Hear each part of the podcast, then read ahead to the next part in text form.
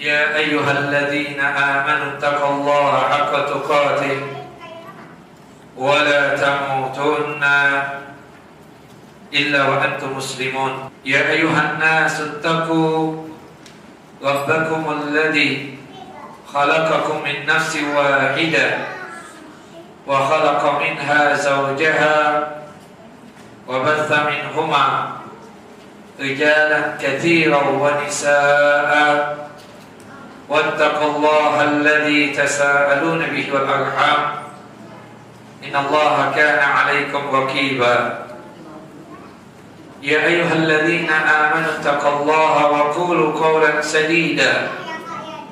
يصلح لكم أعمالكم ويغفر لكم ذنوبكم. ومن يطع الله ورسوله فقد فاز فوزا عظيما. أما بعد فإن أصدق الحديث كتاب الله وخير الهدى هدى محمد صلى الله عليه وسلم وشر الأمور محدثاتها كل محدثة بدعة وكل بدعة ضلالة وكل ضلالة في النار. إخواني وأخواتي في الدين أعزني وأعزكم الله.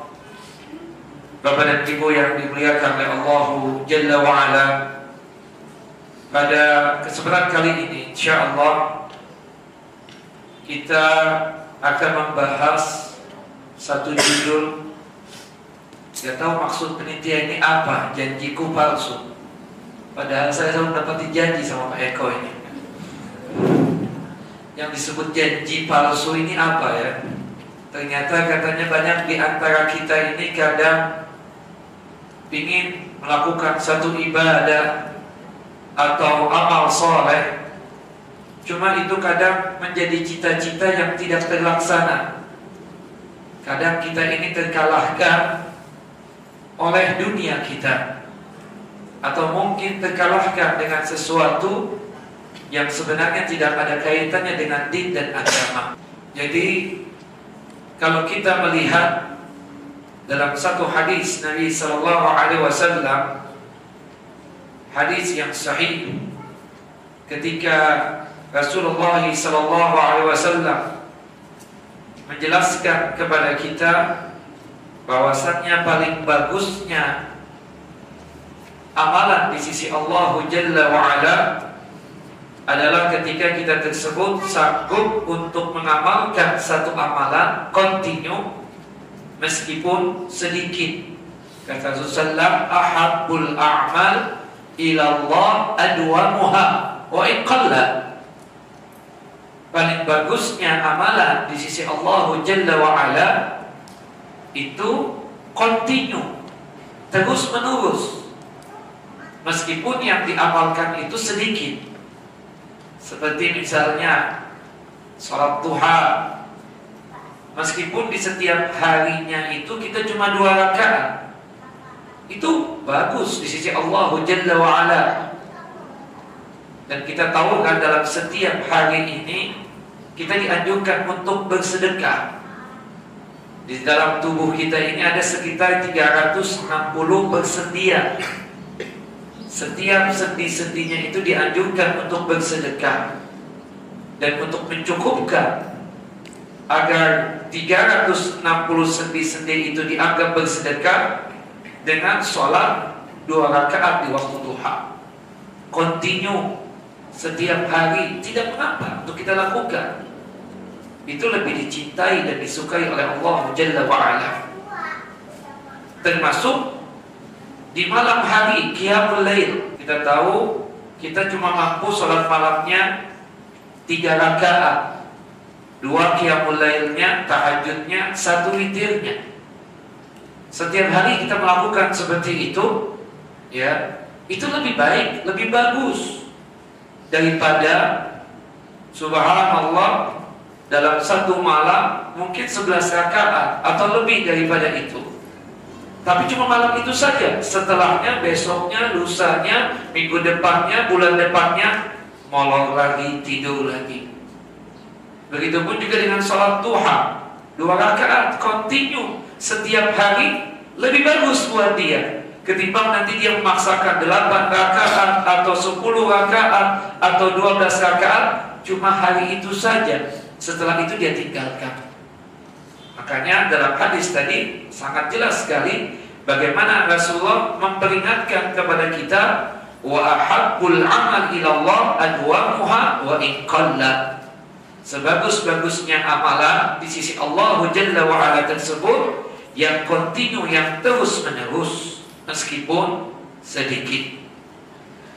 Nah, disebutkan kalau kita mencoba untuk berpikir ya di setiap hari kita ini kita ini dianjurkan untuk selalu beribadah dan taat kepada Allah Jalla wa ala dalam waktu ke waktu, jam per jam, menit per menit, atau kalau kita katakan hari per hari, minggu per minggu, bulan per bulan sampai ajal menjemput kita. Allah Jalla wa ala berfirman wa'budallaha hatta ya'tiyakal yakin. Beribadahlah kepada Allah Jalla wa ala sampai yang namanya al-yakin.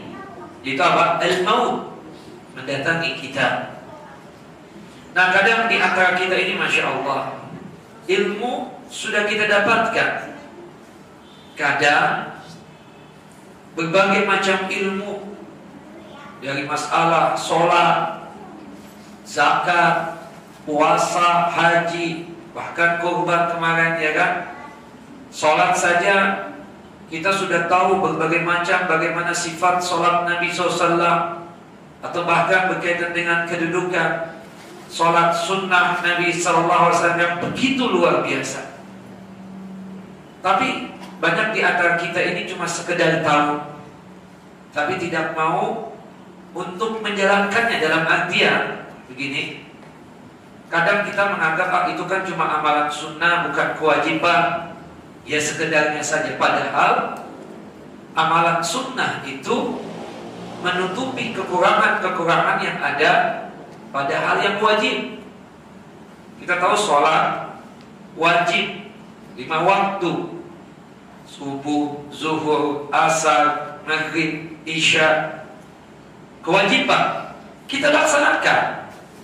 Tetapi kan kita ini tidak tahu apakah ibadah sholat yang kita laksanakan itu betul-betul sempurna artinya sesuai dengan kewajiban-kewajiban yang dituntut oleh Allah Jalla wa'ala pada saat melaksanakan ibadah sholat tersebut. Atau jangan-jangan ada kekurangan dari ibadah sholat wajib yang kita laksanakan tersebut. Makanya Allah Jalla wa'ala dalam hadis Qudsi berfirman kepada malaikatnya wa huwa a'lam. Yang di mana Allah maha tahu tentang kondisi kita tentang kondisi hamba-hambanya. Unzuru li salati abdi. Tolong wahai malaikat-malaikatku Lihatlah tentang kondisi sholat hambaku. Maksudnya ibadah sholat wajibnya. Atammaha An-naqasaha Apakah mereka itu Mensempurnakan sholat wajib mereka Atau ada dari bagian-bagian sholat tersebut yang mereka misi hilang kekurangan. Fa'in mata jika sekiranya sholat yang mereka lakukan itu sempurna, kutibatlah utama maka tulislah pahala ibadah sholat dia tersebut secara sempurna juga. Tetapi ingat, Taqasa minha syai'a. Apabila dari sholat yang lima waktu tersebut Ada yang kurang Mungkin rukunnya Atau kehusuannya Atau mungkin tumaninahnya Kemudian Allah Jalla wa'ala dengan sifat rahmatnya dan kasih sayangnya kepada hamba-hambanya, kepada kita ini berkata lagi kepada malaikatnya Unzuru wahai malaikat-malaikatku lihat. Hallahu min tatawu'in Apakah hamba-hambaku yang kurang dalam masalah sholat yang lima waktu tersebut memiliki sholat-sholat sunnah? Kalau sekiranya memiliki maka kata Allah Jalla wa'ala tutuplah kekurangan yang ada pada salat wajib dengan salat sunnah tersebut. Supaya nilai salat wajib tersebut sempurna adanya. Nah ini kan yang berlaku pada sholat apa? Ibadah-ibadah yang lain. Seperti zakat itu kan kewajiban. Ketika harta kita sudah memenuhi dua syarat penting yaitu nisab dan haul kita wajib untuk menunaikan zakat tapi kan acap kali atau mungkin kadang kali tanpa disadari kadang ada salah itu yang kita nggak tahu mungkin maka untuk menutupi kekurangan yang ada dari kekhilafan dan kesalahan kita pada saat menunaikan zakat tersebut ada sedekah. Begitupun dengan puasa Ramadan. Kita kan tidak tahu dalam puasa Ramadan kemarin mungkin ada saja dari kewajiban-kewajiban siam atau puasa tersebut yang kita tinggalkan atau paling tidak mengurangi kualitas puasa kita. Nah untuk menutupi kekurangan-kekurangan yang ada puasa puasa Ramadan kita dianjurkan untuk puasa puasa sunnah enam hari di bulan Syawal sembilan hari yang pertama di bulan Dzulhijjah atau nanti bulan Muharram tanggal 9 dan tanggal 10 Muharram atau mungkin puasa yang sifatnya harian puasa Nabi Daud alaihissalam atau puasa yang sifatnya mingguan puasa hari Senin dan hari Kamis atau puasa yang sifatnya bulanan tiga hari berpuasa di setiap bulan. Nah ini semua tidak lain adalah untuk menutupi kekurangan yang ada pada sholat apa pada ibadah-ibadah wajib kita. Maka oleh sebab itu kita dianjurkan untuk selalu bersemangat bersemangat untuk melaksanakan ketaatan tanpa membedakan antara yang wajib dengan yang sunnah. Meskipun kalau kita katakan yang wajib lebih didahulukan, tentu kita katakan wajib itu memang harus diutamakan. Memang Allah Jalla wa ala menyukai kita jika kita tersebut ya jika kita tersebut mendekatkan diri kepada Allah Jalla wa ala dengan hal-hal yang wajib dulu. Setelah itu baru dengan yang sunnah. Disebutkan oleh para ulama. Fasabatu 'ala al-khair alladhi ihtadahu asy-syakhs min at-ta'ah wa a'malil bir lahu asbab. Ketahuilah seseorang istiqamah sabar tetap dalam melakukan kebaikan dan dalam ketaatan yang dia laksanakan itu memiliki sebab-sebab. Yang pertama, ini sebab yang paling penting. Kebaikan, ketaatan sanggup untuk kita selalu lakukan ketika seseorang itu memang benar dalam masalah manhajnya jadi kita ini beribadah ini kan karena Allah Jalla wa'ala. Nah, pemahaman kita pada saat melakukan satu ibadah dan amal soleh tujuan kita kan Allah Jalla wa'ala. Bukan tujuan maaf ya, tujuan-tujuan dunia. Bisa berbahaya kalau tujuan kita ini dunia. Ada sebagian orang, kenapa kok sekarang ini rajin melaksanakan sholat berjamaah habis ya saya pingin betul rumah saya yang di sebelah masjid ini laku. Supaya cepat laku makanya saya rajin sholat di masjid. Tujuannya seperti itu. Ada orang lagi. Kenapa umrah? Kenapa haji? Iya ya saya sudah sekian tahun gak dapat anak. Kali-kali dengan ibadah umrah atau mungkin haji tahun ini Allah Jalla wa ala menganugerahkan kepada saya anak. Nah, ini kan sudah manhaj yang tidak benar. atau pemahaman yang tidak benar dalam masalah beribadah. Memang kita katakan ibadah itu poin yang sangat pentingnya itu kan keikhlasan. Ikhlas harapan kita dengan ibadah, ketaatan, amalan ini yang kita tuju cuma wajah Allah Jalla wa ala. Bukan manusia, bukan tujuan dunia dunia tadi itu. Kalau kita tujuan dunia itu berarti kita jatuh ke dalam kesyirikan. Meskipun sifat syiriknya itu adalah kecil. Tetapi di dunia mungkin dia dapatkan hamil juga istrinya habis haji atau habis umroh hamil istrinya atau mungkin setelah dia rajin melaksanakan amal soleh dengan harapan dengan amal soleh yang dia lakukan rumahnya lah laku juga tapi maaf nih ketika sudah hamil sudah laku rumahnya Allahu Akbar dia tinggalkan ibadah. Dia tinggalkan kebaikan. Karena sasaran sudah dapat, cita-cita sudah ada di tangan dia. Nah ini kadang kan menyelisih dari apa yang kita janjikan pada saat kita ini berada di rahim ibu kita.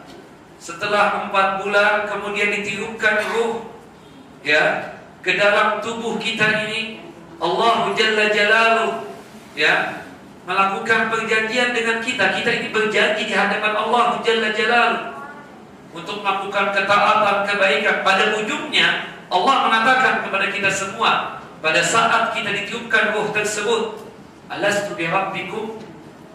Apakah aku ini memang Tuhan kalian? Kita pun mengatakan apa?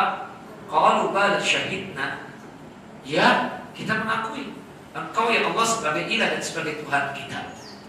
Nah tetapi yang bila orang-orang yang tadi tujuannya cuma dunia Di dunia dia dapatkan. Layu khasun Tetapi di akhirat kelak rugi. Gak dapat apa-apa. Kecuali apa? Kehancuran Gak dapat hasanah Gak dapat pahala. Pada ujungnya adalah siksa api neraka. Waliyahzubillah Nah ini jadi mantapkan dulu kita katakan ya tetap mantap di dalam masalah manhaj yang hak, manhaj yang benar. Kemudian selanjutnya, famin ahami asbabis sabar al-iltija ila Allah doa.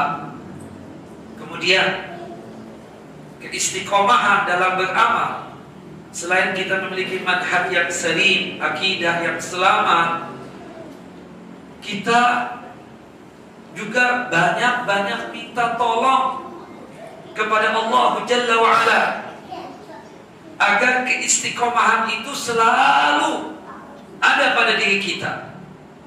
Istiqomah dalam masalah sholat istiqomah dalam masalah bersedekah istiqomah dalam masalah puasa istiqomah dalam masalah memegangi keyakinan yang benar dan termasuk yang lainnya istiqomah untuk datang ke pengajian, istiqomah selalu dalam menjaga kebaikan-kebaikan tersebut. Supaya kita istiqomah, selain kita hakul yakin, ini ada nilainya di sisi Allah Jalla wa'ala, kita mantapkan, kita meminta tolong kepada Allah Jalla wa'ala, sering-sering berdoa kepadanya, agar Allah Jalla Jalaluh memudahkan urusan kita ini untuk istiqomah dalam ibadah, ketaatan dan amal soleh.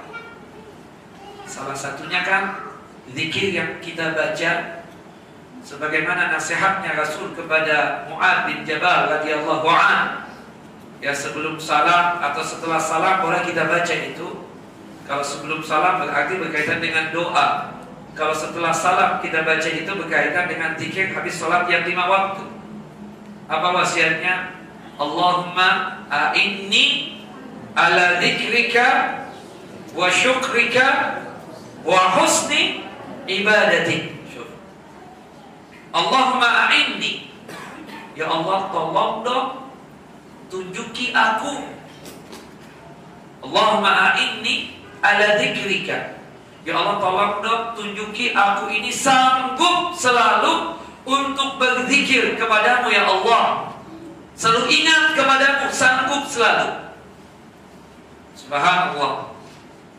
dalam ibadah kurban dan ibadah haji yang kita lakukan kemarin itu itu pelajaran yang sangat penting ibadah yang sangat penting apa ilmu ilmu yang sangat penting yang kita dapatkan dari ibadah kurban dan ibadah haji kemarin itu tidak lain adalah pelajaran kita ini selalu mengingat Allah Jalla wa'ala belajar dari ibadah kurban dan ibadah haji agar selalu berzikir kepada Allah Jalla wa'ala subhanallah.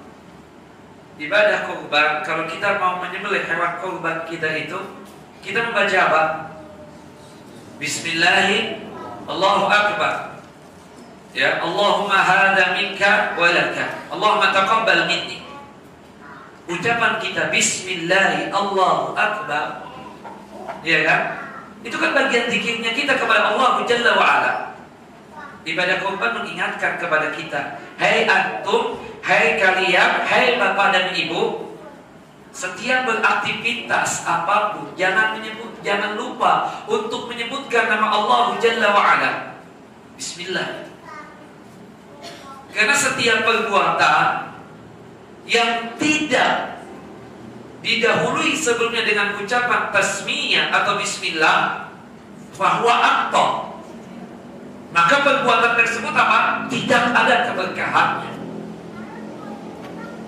termasuk pelajaran yang penting juga yang kita perlu tahu bahwasannya kita kemarin takbiran, tahlil, tahmid yang kita baca itu kan sebanyak atau selama 13 hari. Itu bagian daripada zikirnya kita kepada Allah Jalla wa ala. Dan kita berharap habis selesai daripada ibadah haji, ibadah korban ini, ingatnya kita kepada Allah itu selalu ada, kontinu. Jangan mudah putus. Putus itu apa sih? Sifat malas, sifat mudah untuk meninggalkan amal sholat dan ibadah. Itu futur namanya. Pakai tak futur, bukan pakai po. Kalau pakai po sarapan, iya kan? Futur, malas, ibadah. Ah, sudah deh yang wajibnya saja. Nah ini Nah supaya kita selalu kontinu beribadah beramal soleh Jangan lupa untuk berdoa kepada Allah Jalla Jalaluh Allahumma a'inni ala dhikrika wa syukrika dan ya Allah tolonglah dan bantulah aku agar aku ini sanggup selalu untuk bersyukur kepadamu ya Allah Subhanallah Maka Alhamdulillah kita meskipun dagang musiman kambing, sapi, atau yang lainnya, faedah banyak, masya Allah. Untung ya, untuk alhamdulillah. Syukur kita kemarin. Kesyukurannya kita kepada Allah Jalla Jalaluh kita teruskan. Jangan kita ini mudah untuk apa? Sebagaimana orang-orang yang disebutkan dalam surah Al-Fajr ketika mendapatkan kebahagiaan, semangat, oh Allah akramani Allah telah memuliakan aku tapi ketika mungkin setelah ini ada hal-hal yang susah berkaitan dengan rizki dan nikmat oh Allah ahani. Allah sedang menghinakan aku. Bila tidak seperti itu. Setiap hari kita mendapatkan kenikmatan. Kebaikan nikmat. Syukurilah nikmat-nikmat tersebut. Termasuk yang wajib untuk kita syukuri Alhamdulillah. Kita masih mampu untuk melaksanakan kewajiban-kewajiban kita.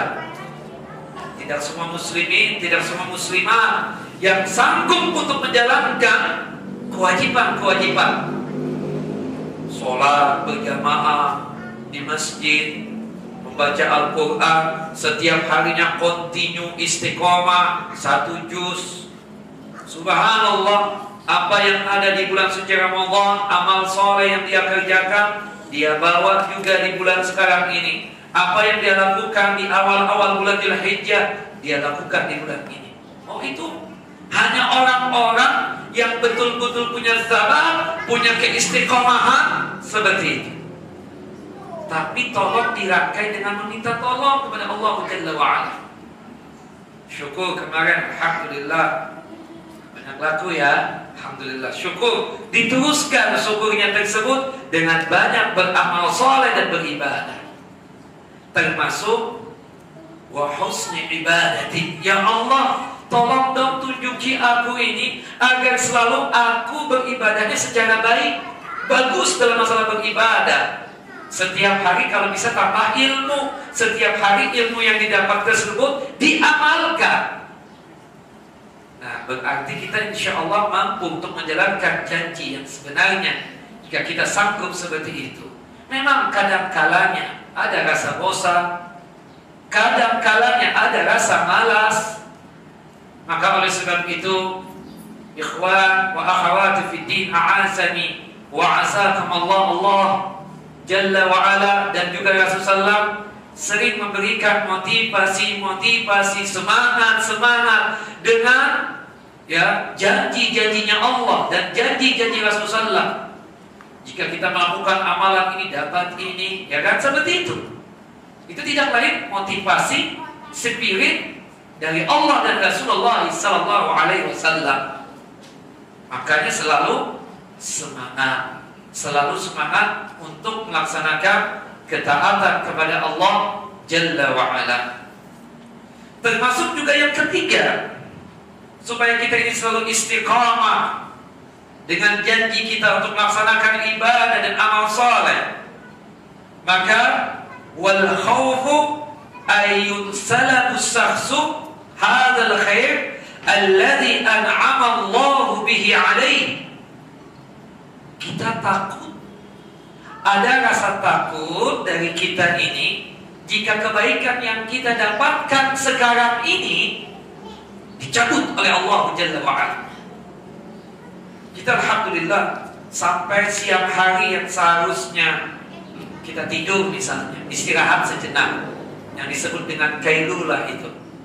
Kita paksakan untuk datang ke masjid, untuk hadir ke majelis taklim, ta'amuk dan tafakuh fiddin. Oh ini semangat ini jangan sampai dimudarkan oleh rasa malas kita. Jangan ya. Makanya mukmin yang kuat yang selalu semangat lebih dicintai oleh Allah Jalla wa ala daripada mukmin yang dhaif, yang lemah. Semangat. Makanya terus semangat kata Nabi sallallahu alaihi wasallam, "Wala ta'juz." Jangan lemah. Jangan lemah. Terus wasta'in billah. Meminta tolong kepada Allah Jalla wa'ala. Makanya kalau kita merasa malas dalam masalah ibadah, baca doa sebagaimana doa yang diajarkan dan dituntunkan oleh Nabi Sallallahu Alaihi Wasallam. Allahumma inni a'udhu bika minal ajzi wal kasali. Ya Allah, aku berlindung kepada dari sikap lemah. Ya, kalau sudah sikap lemah ada, pasti malas. Kita berlindung kepada Allah Jalla wa'ala Ya Allah aku berlindung kepada Dari sikap lemah Secara fisik mungkin Lelah, sedikit-sedikit capek Sedikit-sedikit Ya Gak enak badan Kita berlindung dari itu Termasuk kasal malas kita wajib untuk kita tinggalkan. Muslim yang baik itulah muslim yang punya nasyar, punya kegiatan. Dan kegiatan muslim itulah ibadah kepada Allah Jalla wa'ala. Ya. Dan kita syukur Allah menjadikan kita ini giat dalam ibadah, ketaatan, semangat dalam berbagai macam amalan dan kebaikan berarti itu sebagai tanda Allah Jalla wa'ala sedang mencintai kita. Iya kan? Kalau kita semangat ibadah, semangat melakukan kebaikan, oh berarti itu sebagai tanda Allah sedang mencintai kita. Tapi sebaliknya, kalau kita merasa malas atau futur dalam kondisi yang apa ya dianggap sebagai sesuatu yang biasa ibadah dan kebaikan tersebut, jangan-jangan Allah Jalla Jalaluhu sedang membenci kita. Makanya kita jaga betul nikmat ini. Kita takut Jika kita malas-malasan, lemah-lemahan dalam artian apa ya? Meninggalkan satu aktivitas ibadah ini, nikmat yang telah Allah berikan kepada kita tersebut dicabut oleh Allah Subhanahu wa taala.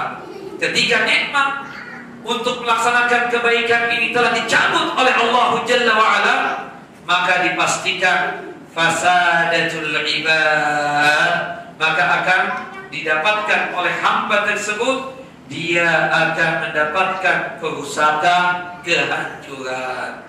Seperti itu. Nah ini. Ini yang berkaitan dengan beberapa hal yang membuat kita tersebut selalu istiqamah. Yang keempat agar kita ini selalu tetap istiqamah selalu menjalankan janji kita kepada Allah Jalla wa ala dengan beribadah kepadanya selalu. Kita melihat kondisi orang-orang terdahulu hamba-hamba yang mendapatkan kebahagiaan. Siapa mereka?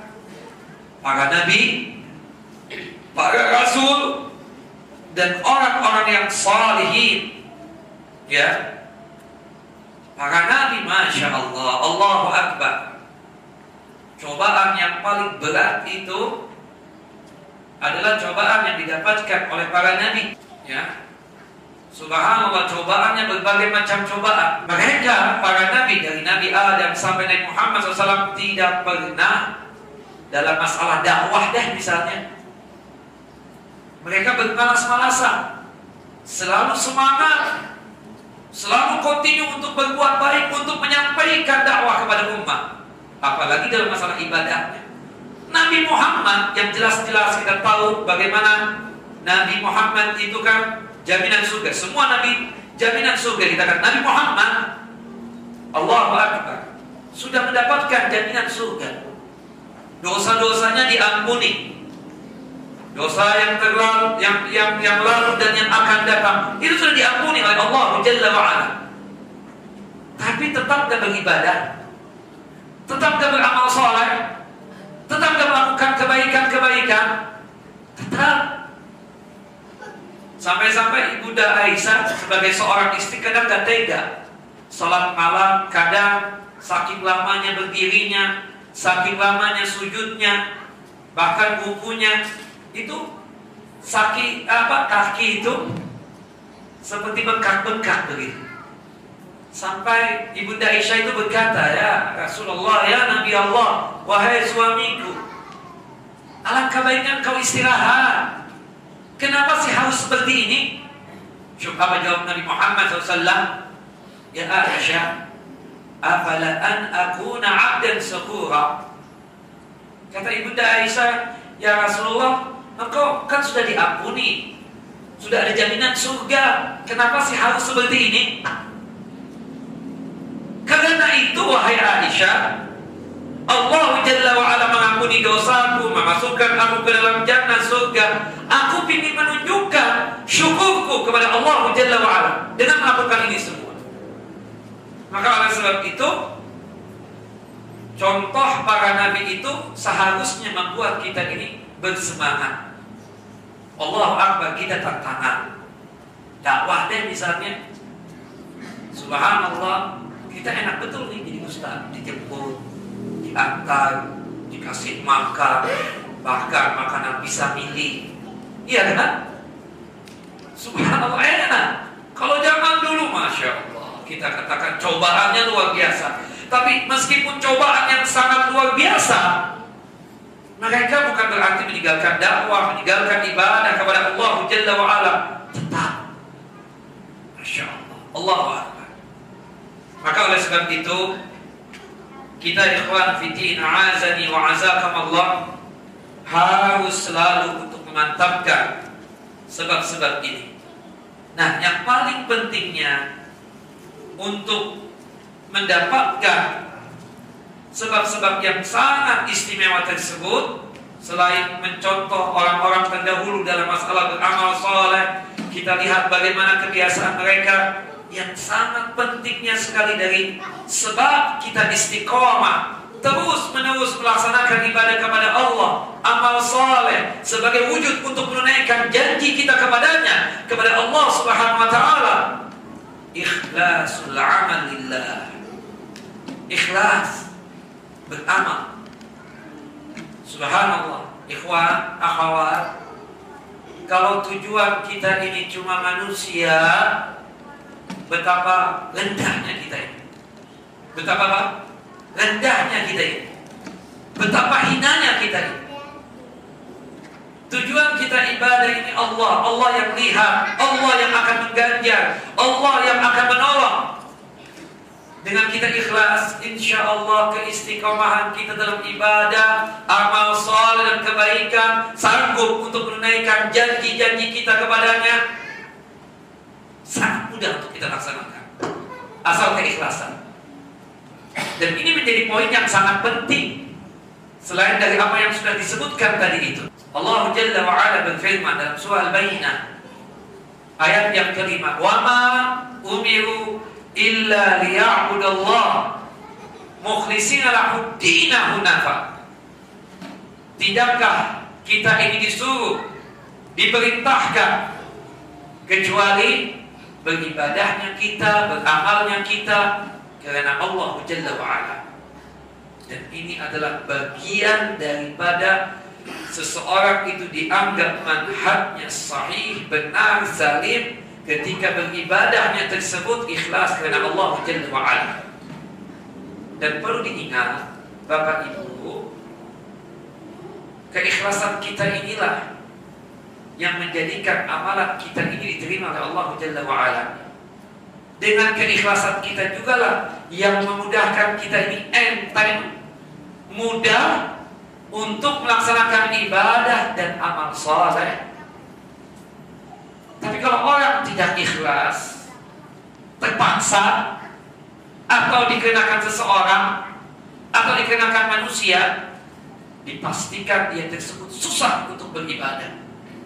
Itu yang terjadi dengan kaum munafik Kita lihat orang munafik itu sebagaimana digambarkan oleh Allah Jalla wa Ala dalam Al-Qur'an. Wa idza qamu ila shalah qamu kusala yura'un nas. Mereka orang-orang munafik tersebut kalau toh sholat mereka sholat dalam kondisi bermalas ria, malas betul. Karena ketidakenakan dengan kaum muslimin, dia paksakan sholat. Tapi malas betul. Kalau toh mau sholat selain dalam kondisi bermalas-malasan, pasti dia tidak ikhlas. Tujuan dia sholat tidak lain yuwa'unan nas agar manusia melihat dia sedang melaksanakan sholat. Supaya mendapatkan maslahat kebaikan dari orang-orang yang melihat dia sedang sholat tersebut. Ria. Wala Allah illa qalila. Kalau tuh ingat kepada Allah ingatnya sedikit. Zikirnya sedikit. Allahu akbar. Itu ciri khas munafik. Di maaf kalau kita malas-malasan dalam kondisi yang gak semangat ibadahnya selain itu sebagai tanda mungkin Allah tidak suka dengan kita atau bisa jadi penyakit kemunafikan ini sudah menghinggapi kita. Makanya kata Nabi SAW paling bagusnya sholat itu kan berkaitan dengan sholat isya dan sholat subuh dan dua sholat ini, dua sholat yang paling sulit untuk orang-orang munafik. Untuk datang ke masjid susah betul. Termasuk sholat subuhnya. Memang kita sih Masya Allah kalau sudah tidur, apalagi di musim penghujan sekarang ini, Allah sedap betul. Ya, nikmat betul. Apalagi dirangkainya baru kawin. Ah, cobaan betul sudah. Cobaan betul kadang. Cuma mau nggak mau ketika Allah Jalla wa ala mengundang kita, hayya 'ala salat, hayya 'ala falah. Allah mengundang kita, ayo dong salat. Ayo dong menuju kemenangan, kejayaan. Kemenangan di mana? Di akhirat kelak. Sekarang sih enggak. Baru kali ajib-ajibnya nih, ada tidur enggak. Subhanallah. Tapi kita sebagai seorang muslim yang taat kepada Allah Jalla Jalal, kita lawan rasa malas kita tersebut. Subhanallah, kalau sudah sampai di masjid, itu hilang tuh rasa malas. Tadinya berat, betul, berat, betul. Tapi ketika kita paksa harus bangun. Makanya Rasulullah SAW dalam sunnahnya itu kan kalau bangun itu untuk menghilangkan ngantuk, apa yang pertama kali yang beliau lakukan? Mengusap muka beliau. Sebanyak tiga kali seperti itu. Kemudian berdoa. Doanya apa? Alhamdulillah alladhi ahyana ba'dama amatana wa ilaihi nusuk. Alhamdulillah segala puja puji milik Allah Jalla wa ala yang telah menghidupkan kita lagi setelah kita mati tadi. Dan dipastikan kita akan kembali kepada Allah Jalla wa ala. Subhanallah, kata Nabi SAW, kalau kita sudah tertidur gelap itu, itu diikat oleh setan tiga ikatan yang sangat kencang sekali. Amat kuat sekali tiga ikatan. Kita bangun, kita mengusap muka kita sebanyak tiga kali dengan tangan kanan kita, kemudian membaca doa, satu ikatan terbuka. Subhanallah, datang kita jalan menuju kamar mandi, masih ada ngantuk-ngantuknya kan kadang. Nah kita kenai tubuh kita ini dengan wudhu. Ikatan yang kedua lepas. Sampai kita sholat, sanggup sholat subuh, atau mungkin sholat sunnah qobliyahnya, maka ikatan yang ketiga terbuka. Subhanallah. Tapi kalau seandainya nggak bangun-bangun, padahal masjid di tetangga dia, masjid di tetangga dia nih. Hayya ala sholat mikrofonnya sudah luar biasa, pencis. Ya, kadang memang tampil masjid, subhanallah sengaja betul baru kawin sekalian deh, mikrofonnya diarahkan ke sana. Tapi kadang subhanallah cobaan yang luar biasa. Sudah kencang keras gak bangun-bangun Kata Nabi SAW, Bala syaitan alaih. Syaitan sedang mengencingi dia. Dikencingi oleh syaitan. Ya meskipun kita gak terasa, gak ada bau-baunya, gak ada kan. Itu kan sesuatu hal yang sifatnya gaib. Tapi kita yakin, kalau kita kebablasan, syaitan aja kencingin kita. Kan seperti itu. Makanya kita malas. Seperti itu. Walhasil, ikhlas tanamkan Coba antum mantapkan ikhlas. Besok subuh bangun sholat subuh di masjid mantap. Ikhlas nih. Insya Allah mudah bangun. Belum ada juga bangun sudah jam 4 misalnya bangun. Masya Allah. Spontanitas seketika hilang ngantuk. Kenapa kita memang ikhlas ingin di masjid melaksanakan ibadah sholat tersebut. Wa min khutu min hududin nafsi fayakunul amal kulluhu lillah ikhlas beramal untuk Allah artinya melepaskan sesuatu hal yang sifatnya ada keinginan-keinginan hati dan kalbu yang tidak enak. Jadikanlah amalan hanya untuk Allah Jalla wa'ala. Dan ketika seseorang ikhlas karena Allah Jalla wa'ala maka dia akan mendapatkan kemuliaan di sisi Allah Subhanahu wa taala. Kemudian selanjutnya keistiqomahan dalam beramal dan beribadah serta melaksanakan kebaikan disebutkan juga oleh para ulama dengan melakukan ini. Ma'rifatu ila ayyi naw'in min amwa'il khair. Tamilun nafsu thumma tuhmalu alaih fahada madinnatul istimar istisma uh, madinnatul istimrar wal Allah ibadahu mutafawitina fi qudratihim wa muyulihim faman hamala nafsahu ala ma la tamilu ilaih rubbama inqata'a anil amal ba'da hin baik kalau kewajiban amal wajib gak ada pilihan. Mau gak mau, suka gak suka, harus dilaksanakan. Itu amalan wajib kan? Sholat lima waktu, berzakat, berkorban, haji, sholat Ramadan harus dilaksanakan. Mau gak mau, suka gak suka, hati senang ataupun hati gak senang. Tapi kalau berkaitan dengan ketaatan yang sifatnya sunnah, tatawu, tatawu itu artinya apa?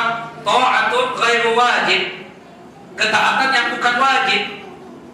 Nah, supaya kita ini istiqomah, continue, selalu menjalankan janji kita kepada Allah Jalla wa ala, bagaimana caranya?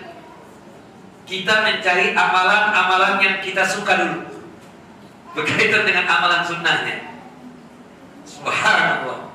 Orang yang suka makan itu disuruh untuk puasa Senin Kemis berat berat banget. Tapi antum pilihannya apa nih? Anda sih siapa pilihannya komplia dan baktia. Monggo, silakan. Itu yang antum senangi, kerjakan dulu. Tapi senangnya sisa sedekah. Baik, kalau antum ada fulus, yang masya Allah luar biasa jalankan itu sedekah meskipun pingin juga puasa tapi gak senang Allah Akbar susah betul puasa puasa sunnah kalau puasa Ramadan kan gak ada pilihan harus dilaksanakan Subhanallah coba puasa Allah Akbar. Ada undangan dari Pak Eko. Jangan lupa ya nanti makan siang sate kambing nah kan? Tergoda. Apalagi satenya kayaknya menunya menu tegal nih. Oh, aduh nggak kuat deh. Teh kue nggak boleh dikirimin kagak untuk buka puasa kepikiran. Karena kan ada manusia seperti itu yang gak mudah untuk puasa gak semua orang. Nah makanya kalau kita ditakdirkan oleh Allah Jalla wa'ala orang yang suka puasa teruskan. Jangan sampai kita ini meninggalkan. Meninggalkan dari satu hari itu atau beberapa hari atau berbulan apa sebulan dua bulan nanti mulainya susah lagi. Ya.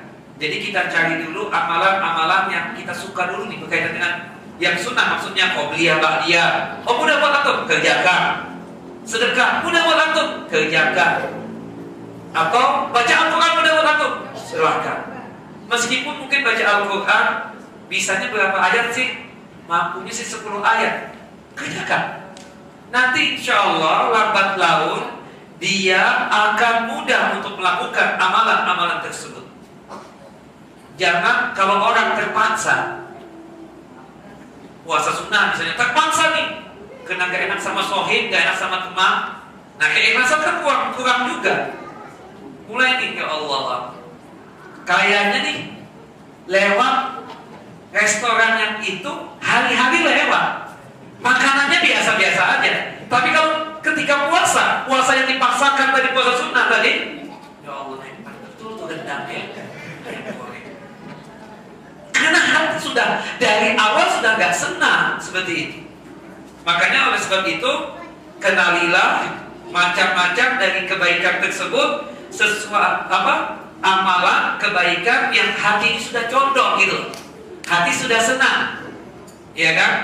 Tentu kita katakan ini berbicara tentang yang amalan-amalan sunnah. Kalau amalan wajib, nggak ada pilihan buat kita. Mau nggak mau, suka nggak suka, harus dilaksanakan. Seperti itu. Nah, kemudian yang selanjutnya berkaitan tentang amalan yang apa supaya kita istiqamah untuk melakukan kebaikan dan amal saleh di antaranya kita memahami tentang nas-nas syariat ini ta'zim nusus asy-syar'iyyah wal wuquf inda hududiha faqad kana Nabi sallallahu alaihi wasallam yubayu ashabahu ala iltizami bi ahkam al-Islam fil mansyati wal. Kita wajib supaya kita ini ada nilai, ada keistiqomahan, kontinu dalam beribadah dan beramal soleh, selalu memenuhi janji kita kepada Allah Jalla Jalaluh. Tolong agungkan nas-nas syariah, Al-Quranul Karim atau hadis-hadis Nabi SAW dan setiap segala sesuatu yang berkaitan dengan larangan kita tinggalkan Jangan sampai untuk melakukannya. Dan itu yang disampaikan oleh Nabi SAW ketika berbaiat ya, ketika para sahabat berjanji setia berbaiat dengan Nabi SAW yang pertama kali yang diwanti-wanti oleh Rasulullah SAW adalah iltizam di agama Islam. Konsisten, komit, istiqomah di dalam hukum-hukum syariat ini. Ya. Baik dalam kondisi senang mudah untuk melaksanakan syariat tersebut ataupun dalam kondisi ya tidak suka makra. Tidak suka sekalipun kita berusaha untuk suka. Seperti itu makanya kalau yang wajib kan nggak ada pilihan saya bilang tadi tapi kalau amalan yang sunnah tadarut ya supaya kita juga timbul kesukaan maka insya Allah kita cari yang mudah buat kita dulu Ya Allah Jalla wa ala memperingatkan kita. Ya di dalam surah An-Nisa ayat 65 Fala wa rabbika la yu'minun hatta bainahum thumma la yajiduna fi anfusihim harajan mimma qadaita wa yusallimu taslima Fala wa rabbika demi Tuhan kalian Demi Allah Jalla wa ala. Mereka itu tidaklah beriman, la yu'minun. Sampai kapan? Hatta yuhaqqimuka fima syajara bainahum. Sampai mereka tersebut mengambil hukum dari engkau wahai Muhammad apa yang mereka berdebatkan, apa yang mereka bersisikan. Kita berdebat kadang-kadang dalam masalah hukum-hukum mungkin. Nah, Supaya kita ini berdebatnya benar, maka kembalinya kepada Al-Quran dan Sunnah. Mengambil hukum Rasulullah di antaranya. Dan apa yang dijadikan hukum oleh Allah, oleh Allah dan Rasulnya atau apa yang diputuskan oleh Allah dan Rasulnya, kita wajib untuk terima. Dan tidak ada perasaan yang tidak enak untuk menjalankan syariat ini. Harus suka dan senang. Makanya pahami ayat-ayat Allah dan hadis-hadis Nabi agungkan nas-nas Al-Quran dan nas-nas hadis Nabi SAW maka dipastikan dia tersebut nanti akan menjadi manusia yang istiqamah dalam menjalankan syariat ini dalam menjalankan ibadah ini dalam menjalankan segala bentuk amal soleh apa pun dan pastinya dia tersebut tidak bakalan mengingkari janjinya, janji yang dia ucapkan di hadapan Allah pada saat dia tersebut berumur empat bulan waktu Allah Jalla wa ala meniupkan ruh untuknya. Ya. Kemudian disebutkan oleh Nabi Shallallahu Alaihi Wasallam ketika menerangkan tentang wajibnya ta'zim terhadap Quran dan Sunnah supaya kita tersebut ada keistiqomahan di dalam amalan atau ibadah yang kita laksanakan. Ya. Ketika itu disebutkan satu hadis Imran bin Husain. Hadis yang dikatakan di sini al-haya'u khairul kullu. Bahwasanya kebaikan itu semuanya baik. Qala lahu ya Bushair bin Ka'ab Bushair bin Ka'ab berkata kepada Imran bin Husain Inna la najidu fi ba'dil kutub awil hikmah anna minhu sakinatun. Aw sakinatan wa waqaran lillah. Wa minhu du'fun. Kata Bushair atau Bushair bin Ka'ab mengatakan sesungguhnya kami sungguh mendapatkan di sebagian kitab atau hikmah sunnah bahwasanya dimaksud tersebut darinya tersebut terdapat ketenangan, ketentraman ya dari Allah Jalla wa ala yang di mana bahwasannya ketenangan dari Allah Jalla wa ala dan ketenangan yang diberikan kepada kita kemudian membuat kita tersebut nanti ya eh, ketika itu Bushair seakan-akan memberikan maksud tenang itu apakah lemah Kemudian Imran bin Husain marah.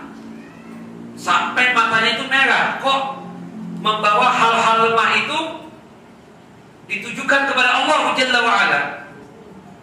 Kata Imran bin Husain ala arani uhaddithuka an Rasul sallam wa ta'arada fihi Syub, aku ini menyampaikan hadis Nabi SAW Kok malah engkau menentangnya Tolong jangan ditentang Pahami dan agungkanlah Firman-firman Allah Dan ayat-ayat Allah dan hadis-hadis Nabi SAW Maksudnya Ushair bin Ka'ab ini ingin menyampaikan Ini loh, aku mendapatkan ini Mungkin maksudnya bukan untuk menghinakan, tidak tapi ada sesuatu yang tidak paham seakan-akan seperti merendahkan.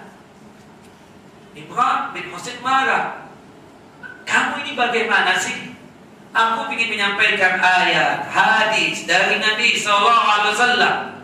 Kok malah ada pertentangan? Jangan. Nah, maksudnya kita ini, ketika ada satu hadis atau satu ayat, mungkin jiwa kita ini menolak seakan-akan. Karena ah masa sih begitu hukumnya? Kan ada perasaan begitu kadang. Jangan sama sekali. Mungkin karena lemahnya iman membuat kita tersebut tidak sanggup untuk melakukan yang demikian. Ada sebagian orang kadang, masa sih jenggot wajib? Kok nggak boleh dikerok? Kan begini dan begitu. Nah, kita katakan inilah hukumnya, inilah hadisnya. Kalau antum nggak sanggup, tolong banyak istighfar bertobat kepada Allah Jalla wa'ala jangan syariatnya yang disalahkan karena kita ini punya beban sebagai seorang muslim hamba Allah untuk mengagungkan ayat-ayat Allah. Al-Quran Al-Karim dan hadis-hadis Nabi Sallallahu Alaihi Wasallam. Jangan yang disalahkan ayat dan hadisnya. Itu yang ditujukan oleh Ibrahim bin Husain kepada Bushair bin Ka'ab tadi. Jangan engkau tentang Jangan engkau menganggap bahwasannya lo ini seakan-akan kamu susah melaksanakan dianggap salah syariatnya. Abada. Makanya kita ini ketika kita tidak sanggup dalam satu amalan yang ada pada diri kita ini istighfar bertaubat kepada Allah Jalla wa'ala kenapa kok sampai nggak sanggup untuk melakukan tuh amalan itu yang harus ada pada diri kita bukan menyalahkan hukum bukan menyalahkan syariat. Yang jelas ya wa mahma ala qadri rajul wa kana imaman fid din fala ahadu afdal min ashabin nabi sallallahu Syuk, kita ini bagaimanapun juga ya kita ini kadang merasa sok di hadapan para sahabat ridwan Allah ajmain. Seakan-akan ilmu yang kita lebih yang kita miliki ini melebihi ilmunya para sahabat. Bagaimanapun kondisinya, bagaimanapun ahli dia hukum ini, hukum itu, ya imam besar sekalipun, jangan sekali-kali menganggap diri itu lebih mulia daripada para sahabat. Sahabat itu subhanallah keistiqomahan mereka, ke, apa, kekomitan mereka dalam masalah ibadah dan amal soleh sangat luar biasa. Baik, sebab yang selanjutnya supaya kita ini istiqamah dalam beribadah dan beramal soleh ya adalah talabul ilm. Selalu menuntut ilmu agama di selalu apa? Menuntut apa? Selalu menuntut ilmu agama. Dan kita tahu kan menuntut ilmu agama itu adalah kewajiban. Baik kita yang laki ataupun perempuan. Orang itu akan selalu melaksanakan kewajibannya sebagai seorang muslim atau ketaatan sebagai seorang muslim ketika dia tersebut ada ilmunya termasuk dia takut kepada Allah Jalla wa'ala ketika dia tersebut memang apa? memang mengenal Allah Jalla wa'ala makanya Allah Jalla wa'ala memuji para ulama yang memang betul-betul takut itu para ulama, para alim. Karena memang kenal Allah Jalla wa'ala Makanya beribadahnya sangat luar biasa Ketaatannya sangat luar biasa Subhanallah Kata Allah Jalla wa'ala Innama yahsyallaha min ibadihi ulama. Sesungguhnya yang hanya takut kepada Allah Jalla wa ala itu hanyalah para ulama yang memang betul-betul mengenal Allah Jalla wa ala. Kalau kita ingin terus kontinu dalam satu ibadah, tuntutlah ilmu. Pahami itu ibadah, pahami itu amalan, apa fadilahnya, apa keutamaannya, konsekuensinya apa.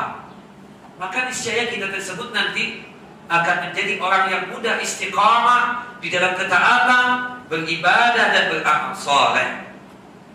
Nah itu di antara di antara bagaimana caranya kita agar selalu istiqamah dalam beribadah dan beramal soleh. Yang jelas kita sebagai seorang muslim hamba Allah Jalla wa ala yang pada saat kita berumur 4 bulan ketika setelah ditiupkan ruh untuk kita kita berjanji kepada Allah Jalla wa ala jangan sampai janjinya kita kepada Allah Jalla wa ala kita ingkari. Wal billah.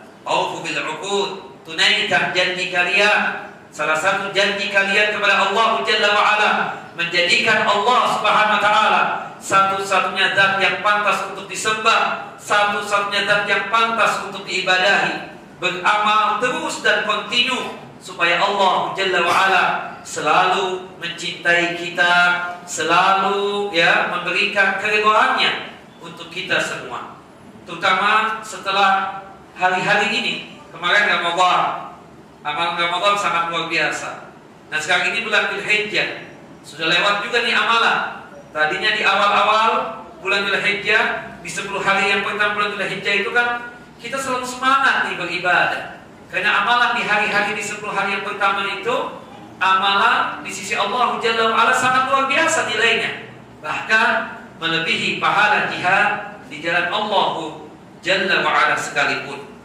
Nah, yang paling penting supaya kita tersebut mudah mudah ala amal saleh yang perlu kita ketahui dengan kita kontinu dalam masalah beramal maka kemuliaan yang kita dapatkan. Apa kemuliaan yang kita dapatkan ketika kita kontinu untuk beramal soleh beribadah? Yang pertama takuna sababan li taharatil qalbi minan nifaq. Ya.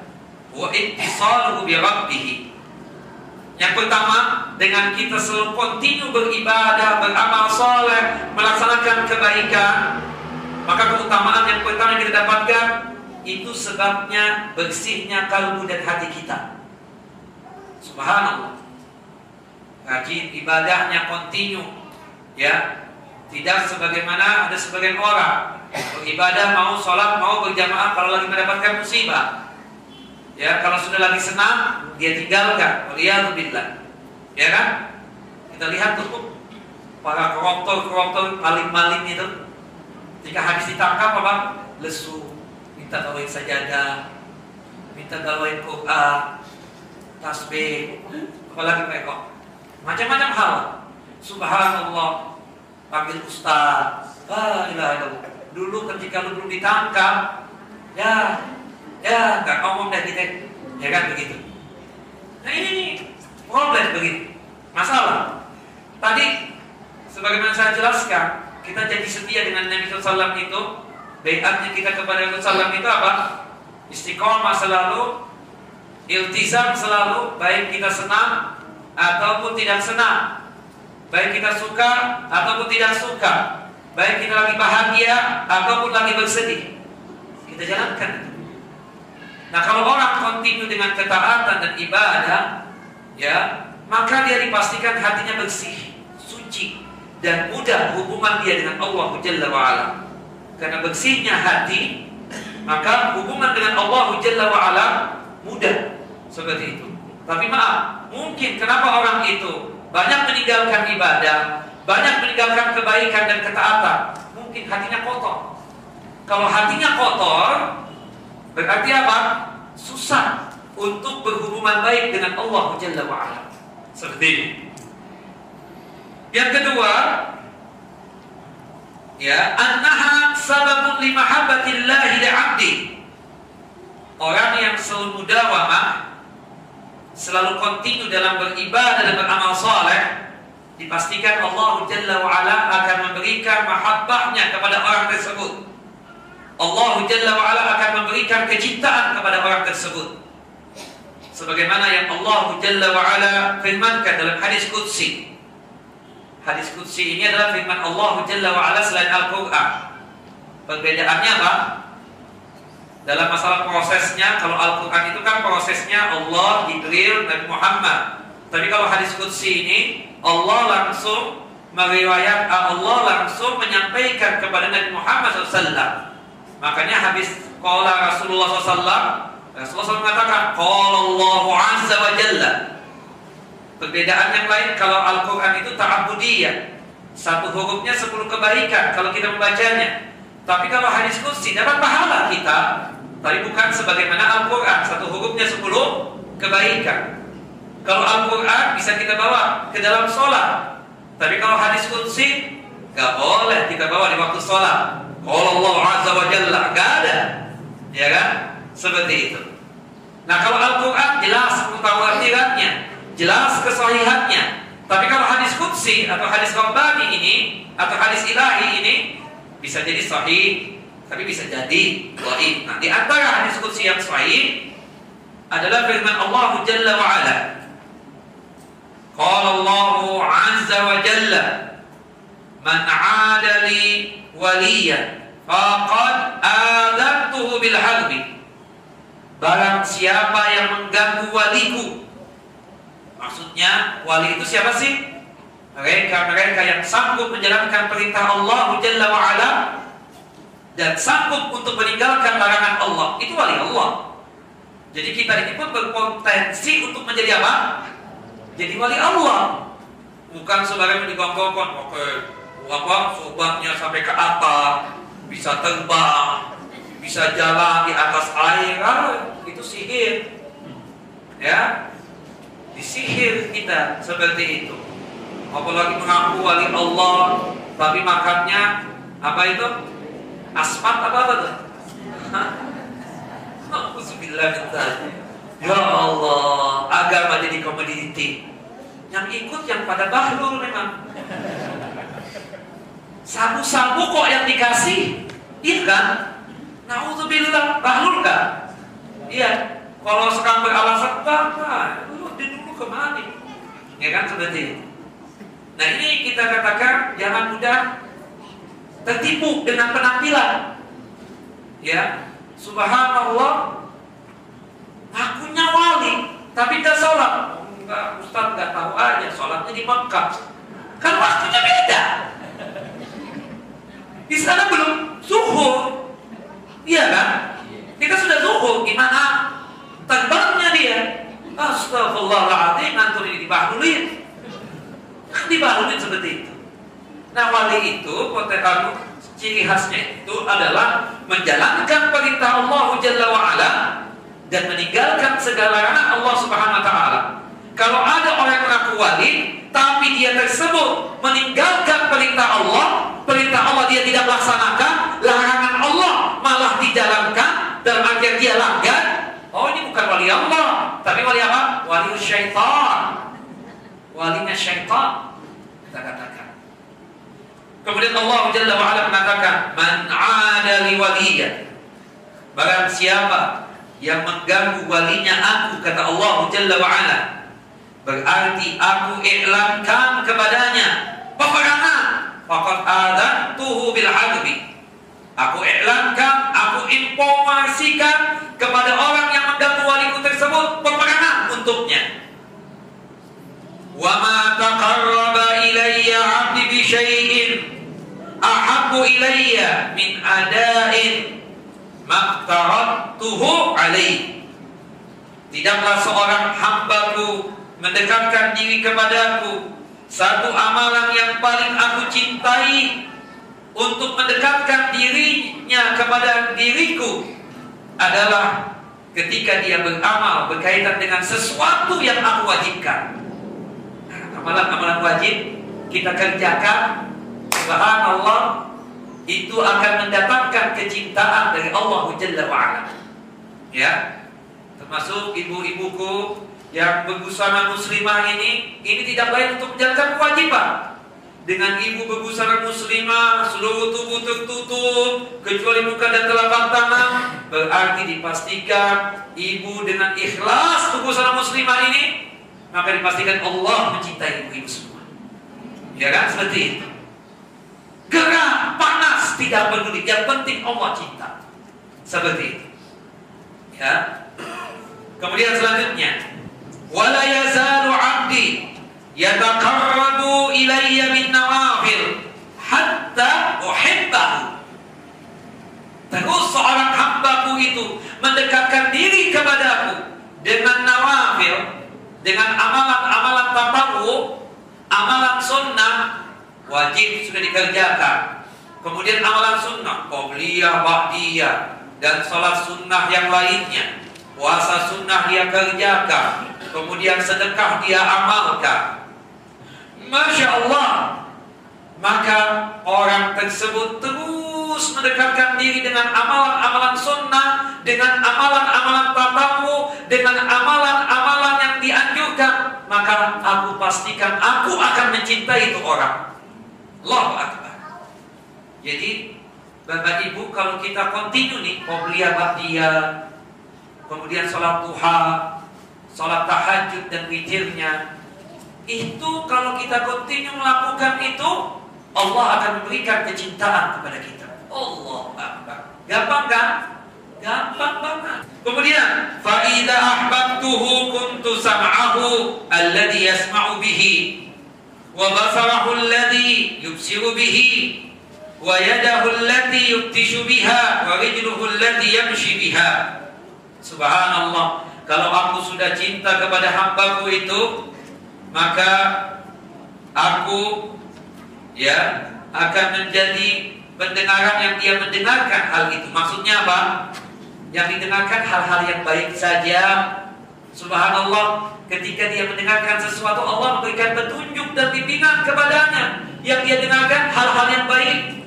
Kemudian ya bahwasannya matanya pun juga karena bimbingan Allah Jalla wa'ala melihatnya hal-hal yang baik.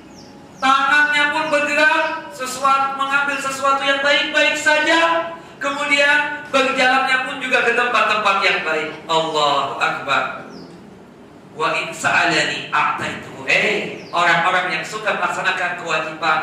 Hei hamba-hambaku yang suka melaksanakan kewajiban Hei hamba-hambaku yang suka mengerjakan amalan sunnah Maka jika dia meminta kepadaku, berdoa kepadaku Pasti akan aku berikan Pasti akan aku ijabah. Allahu Akbar. Ini salah satu sebab Agar doa kita diijabah. Istiqomah Mudawamah Continue is, apa, kon, apa konsisten dalam beramal dan beribadah dan melaksanakan ketaatan. Dipastikan doa-doa antum, doa bapak ibu diijabah dan dikabulkan oleh Allah Jalla wa ala. Wa anista'ala bi a'adtuhu. Ya, kalau seandainya mereka meminta pertolongan dan perlindungan kepadaku, pasti aku akan lindungi. Allahu Akbar. Kalau kita dekat dengan Allah, baik berkaitan dengan melaksanakan kewajiban ataupun berkaitan dengan amalan sunnah, Allah sudah cinta kepada kita. Kita meminta perlindungan kepada Allah Jalla wa'ala. Dipastikan kita akan dilindungi oleh Allah Subhanahu wa taala. Nikmat. Nah, orang yang kontinu melakukan amal saleh dan beribadah kepada Allah Jalla wa'ala, Allah akan mencintainya. Yang ketiga, keutamaan dari orang yang suka melaksanakan amal saleh istiqamah, kontinu, mudawamah, annaha sababun lin najati minal masaib wa syada'id. Allahu Akbar dikarenakan kita selalu kontinu untuk beribadah kepada Allah, beramal saleh selalu, baik yang wajib ataupun sunnah, Allahu Akbar. Kita terbebas lepas terhindar ya dari yang namanya musibah dan kesusahan. Bayangkan. Kita terselamatkan. Terselamatkan dari berbagai macam musibah yang tidak mengenakan hati kita. Dan kita akan terselamatkan dari yang namanya kesusahan, ketidakenakan. Sebagaimana yang Rasulullah sallallahu alaihi wasallam sabdakan, ya, disebutkan ya dari Abdullah bin Abbas radhiyallahu anhu ya berkaitan tentang seorang mukmin ini dan juga hadis Abu Hurairah radhiyallahu anhu kita tahu dengan keistiqomahan seorang mukmin itu kan melaksanakan ketaatan kepada Allah Jalla wa ala Allah Subhanahu wa taala akan menjaga dia. Menjaga dia. Membimbing dia selalu. Selain disebutkan dalam hadis tadi disebutkan dalam firman Allah Jalla wa ala dalam surah Al-Ankabut. Allah Jalla wa ala berfirman وَالَّذِينَ جَاهَدُوا فِينَا لَنَهْدِيَنَّ لَنَهْدِيَنَّهُمْ سُبُلَنَا وَإِنَّ اللَّهَ لَمَعَ الْمُحْسِنِينَ Sesungguhnya orang-orang yang selalu bersungguh-sungguh untuk beramal saleh di jalan kami di jalan Allah Jalla wa ala niscaya Allah Jalla wa ala akan selalu membimbing dan memberikan petunjuk untuk mereka. Ya memberikan bimbingan agar mereka itu selalu berada di jalan-jalan kami di jalan Allah Jalla wa ala. Wa inna Allah lama'al muhsinin. Sesungguhnya Allah Subhanahu wa taala bersungguh-sungguh bersama orang-orang yang baik. Siapa mereka yang baik itu? Orang yang selalu kontinu mudawamah dalam beramal saleh beribadah kepada Allah Jalla wa ala. Ya. Dikatakan oleh Al-Imam Al-Hafidh Ibnu Katsir rahimahullah rahmatan wasi'ah. Laqad ajra al-karim adatahu bi karamihi anna man 'asa 'ala shay'in mata 'alayhi man mata 'ala shay'in bu'itha 'alayhi fala yazal mu'min yujahidu nafsahu ala ta'atillah hatta yakhtuma lahu bi khatimah. Ingat janjinya Allah Jalla wa ala. Al-Karim Allah yang maha mulia. Sebagaimana kebiasaan Allah memberikan sesuatu yang mulia kepada hambanya.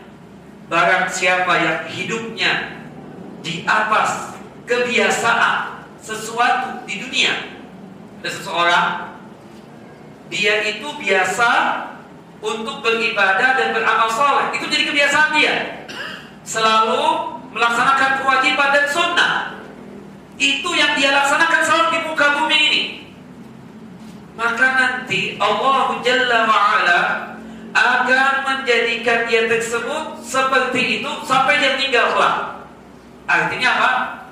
Tanda sebagai husnul khatimah. Kalau istilah pepatah Arab tersebut ya mautul ya seseorang uh, mau mautul mar'i ala syai'in asa alaih kematian seseorang itu biasanya sesuai dengan apa yang menjadi perbuatan dia di waktu dia tersebut hidup. Kalau dia waktu hidup itu biasanya berbuat baik, beramal soleh, ibadah, itu nanti terbawa sampai dia meninggal dunia. Maksudnya apa? Meninggalnya pun dalam kondisi seperti itu. Pinginnya sholat, pinginnya melaksanakan kebaikan, pinginnya sedekah, terbawa sampai dia meninggal dunia. Dan itu husnul khatimah. Begitupun juga kalau seandainya seseorang kebiasaannya maksiat, durhaka kepada Allah Jalla wa ala. Allah Akbar. Biasanya meninggalnya seperti itu juga. Sul khatimah. Ada seorang alim di Indonesia ini, dia lagi sakit. Sakit nih. Subhanallah, di sebelahnya tersebut ada orang kafir. Di Indonesia kita katakan, tetangga sebelahnya tersebut orang kafir. Teriak-teriak terus. Kemudian, Subhanallah, habis teriak-teriak, bangun, kemudian begini-begini. Si alim ini nanya, ini orang kenapa? Ketika tahu nih ada orang alim muslim apa, mungkin ada solusi, mungkin ada jalan keluar. Si alim ini tanya, ini orang kenapa nih dulu? Kebiasaannya apa dulu?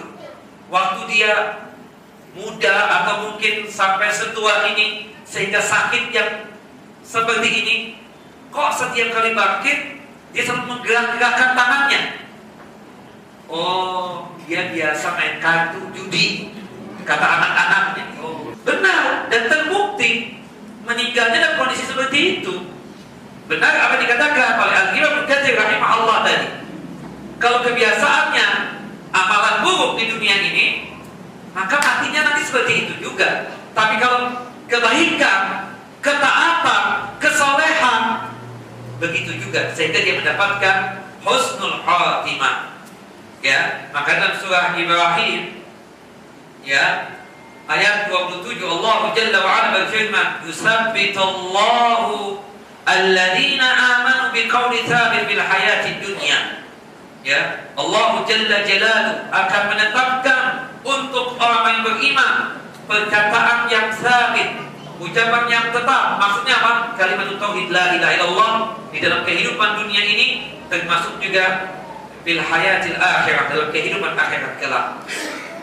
Yang kelima, fadilah dan keutamaan dari orang yang suka taat kepada Allah selalu melaksanakan ibadah dan amal soleh adalah bushra minal malaikati indal maut. Cuk, ini penting nih bagi kita kita yang selalu istiqamah melakukan amal soleh, ibadah kepada Allah, melakukan kebaikan, selalu menepati janji kita untuk beribadah kepada Allah Jalla wa'ala. Maka ada kabar gembira dari malaikat-malaikat Allah Jalla wa'ala pada saat kita sakaratul maut, pada saat kita meninggal dunia. Sebagaimana disebutkan di dalam surah Fussilat ayat 30 sampai 32. إن الذين قالوا ربنا الله ثم استقاموا تتنزل عليهم الملائكة ألا تخافوا ولا تحزنوا وأبشروا بالجنة التي كنتم توعدون Sesungguhnya orang-orang yang berkata ketika di dunianya Rabbun Allah Tuhan kami Allah Summa istaqam. Dan dia istiqamah Dengan ucapan dia tersebut Dengan melaksanakan ibadah kepada Allah Dan juga melakukan amal saleh dan ketaatan ketika dia mau meninggal dunia malaikat-malaikat Allah Jalla wa'ala turun. Kemudian berkata kepadanya ala takhafu wala tahzanu. Hei kalian yang selalu istiqamah selalu kontinu untuk beribadah dan beramal soleh janganlah kalian takut dan janganlah kalian bersedih wa abshiru bil jannati allati kuntum ta'adun.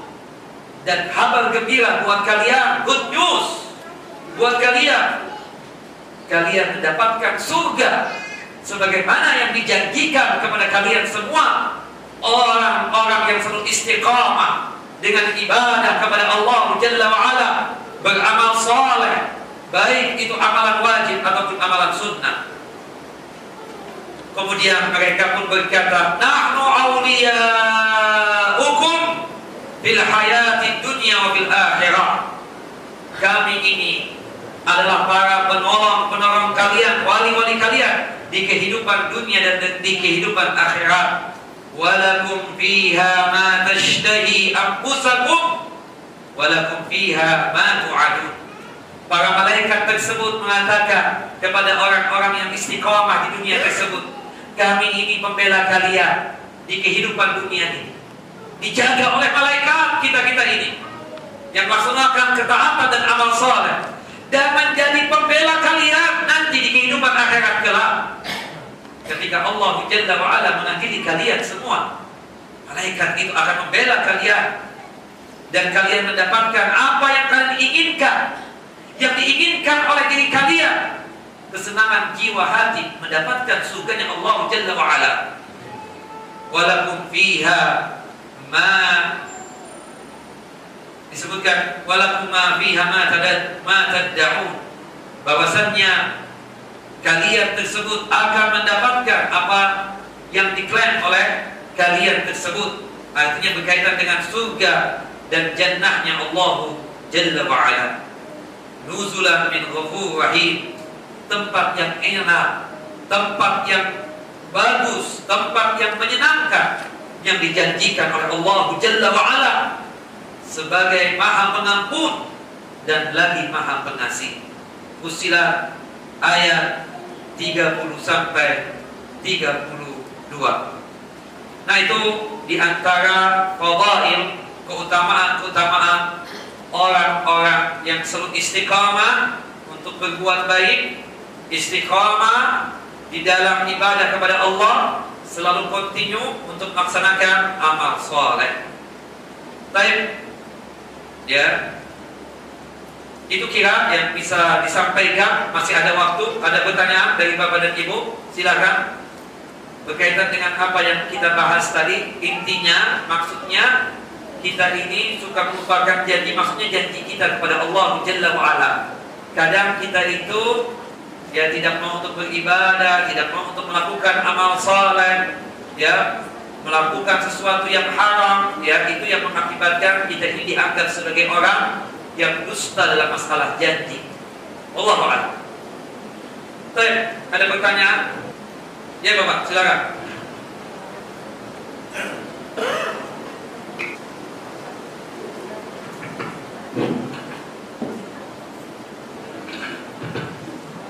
Assalamualaikum warahmatullahi wabarakatuh. Pak Ustaz yang saya mau tanyakan, kalau futur itu ada toleransinya nggak Pak Ustaz?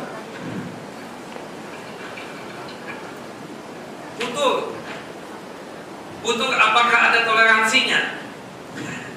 Butuh itu kan lemah, malas, meninggalkan ibadah, meninggalkan istiqomah. Kita katakan tidak ada. tidak ada pengecualiannya. Tidak ada apa istilah antum tadi? Apa? Toleransinya nggak ada, Pak. Kalau berkaitan dengan amalan wajib apalagi? ah lagi malas sholat asar nggak mungkin dong ya kan kalau berkaitan dengan amalan sunnah kita katakan subhanallah itu kan sebagai penutup kekurangan yang ada pada wajib jadi toleransinya itu nggak ada mungkin kalau kita katakan toleransinya berkaitan dengan boleh ditinggalkan Ustaz. Ya boleh saja. Atau nggak ada dosa amalan sunnah. Dikerjakan mendapatkan pahala meninggalkan tidak mengapa. Tapi antum rugi. Nah kalau sekiranya memang dalam kondisi yang gak, gak kuat fisik Yang gak kuat nih Makanya kan paling bagusnya itu kan Subhanallah Kita yang masih sehat-sehat ini untuk beramal. Kalau sudah tua itu Mungkin sudah mulai berkurang Amalan yang menjadi kebiasaan kita Puasa misalnya Kalau sudah tua ya Sudah ada penyakit ya Susah Ingin melakukan ini juga puasa misalnya Dilarang dokter takut berbahaya, takut ini dan lain sebagainya. Maka oleh sebab itu kita katakan ya kita berlindung kepada Allah Jalla wa'ala dari yang namanya penyakit putus tersebut. Jangan sampai dalam diri kita tersebut lemah dalam masalah ibadah, malas dalam masalah ibadah, kita tinggalkan sama sekali. Ya, Allah Ya, silakan, ibu-ibu. Waalaikumsalam warahmatullahi wabarakatuh. Kita tadi kan menyampaikan tentang janji seseorang di Bali.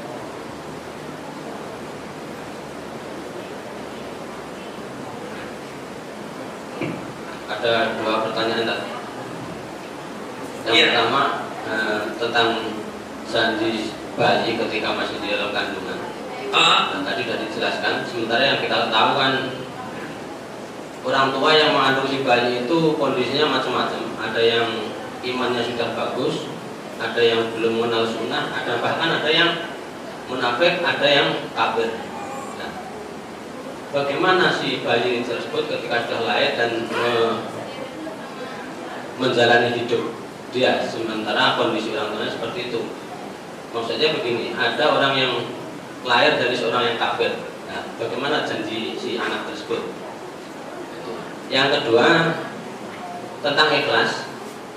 Itu sering termasuk saya sering berbenturan antara ibadah dan profesi. Ya. Sebagai contoh ini ketika saya ngajar ngaji itu kan suatu ibadah karena itu suatu kebaikan. Tapi di sisi lain ada profesi yaitu sebagai pengajar tadi. Yang tentunya kalau sudah profesi kan ujung-ujungnya ada juga. Nah itu gimana menyikapinya? Kalau misalnya nggak ada amplop, nggak datang. Ya, itu banyak seperti itu. Sebagai contoh kan eh, Oke.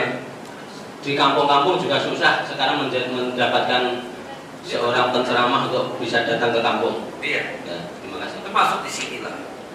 Sama lah sudah semua. Ya. Begini Pak, Rasulullah SAW bersabda dalam satu hadis yang sahih, "Kullu mauludin yuladu al fitrah, fa'abawahu yuhawidanihi au yunassiranihi au yumajjisanihi." Setiap anak yang terlahir itu suci, nggak ada dosa, ya. Tetapi apa yang mempengaruhi dia tersebut?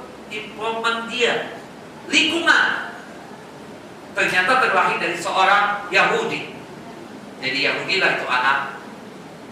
Ternyata terlahir dari seorang Nasrani. Jadi Nasrani lah itu anak. Ternyata terlahir dari seorang Majusi. Jadi Majusi lah itu anak. Tapi kalau berkaitan dengan masalah perjanjian itu ada. Setiap manusia itu ada. Nah, tapi manusia, kenapa dikatakan manusia, Pak?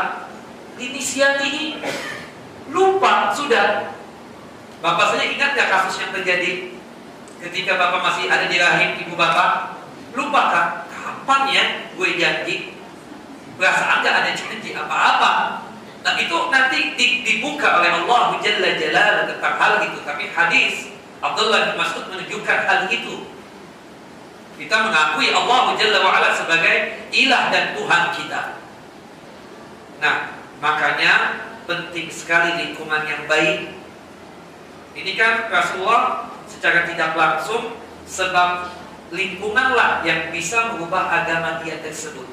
Tapi kalau yang anak itu terlahir dari seorang muslim, jadi muslim kan dia? Dari muslim. Jadi muslim.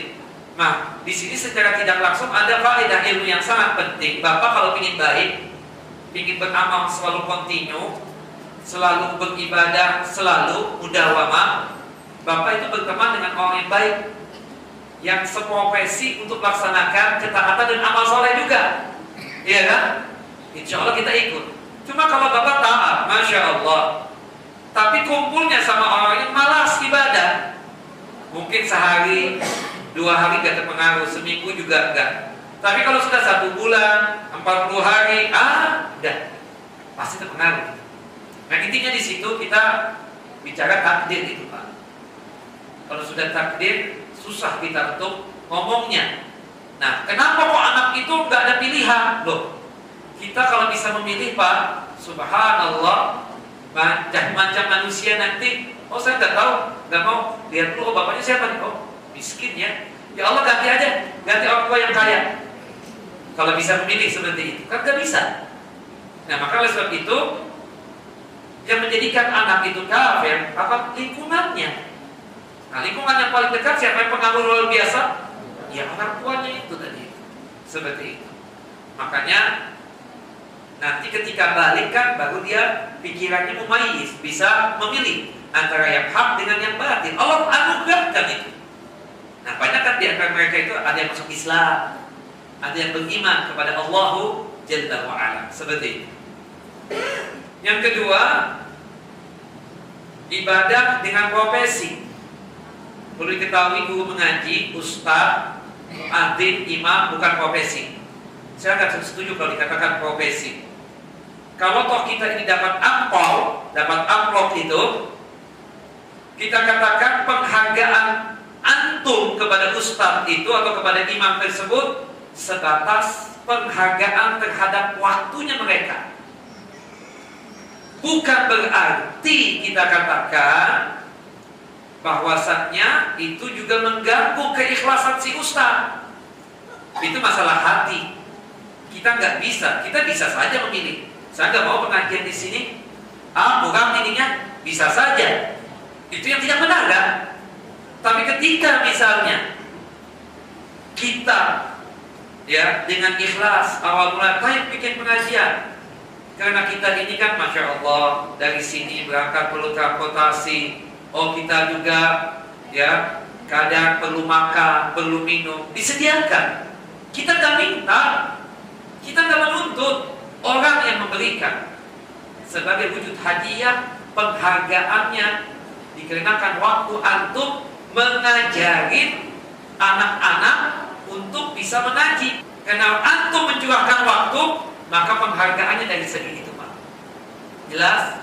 Tapi niatan antum awal mengajarkan mengaji itu ibadah. Antum harus ikhlas. Nah, makanya kita katakan di sini bahwasannya antum ikhlas insya Allah. Ya. Tapi orang-orang yang ingin belajar sama antum Kan kesian melihat kondisi antum. Ya, antum sebenarnya dengan waktu untuk mencurahkan pengajaran ilmu din atau Al-Quran tadi kan sebenarnya ada waktu. Antum bisa kerja dari waktu tersebut. Nah, berhubung antum dibutuhkan, maka diberikanlah penghargaan itu.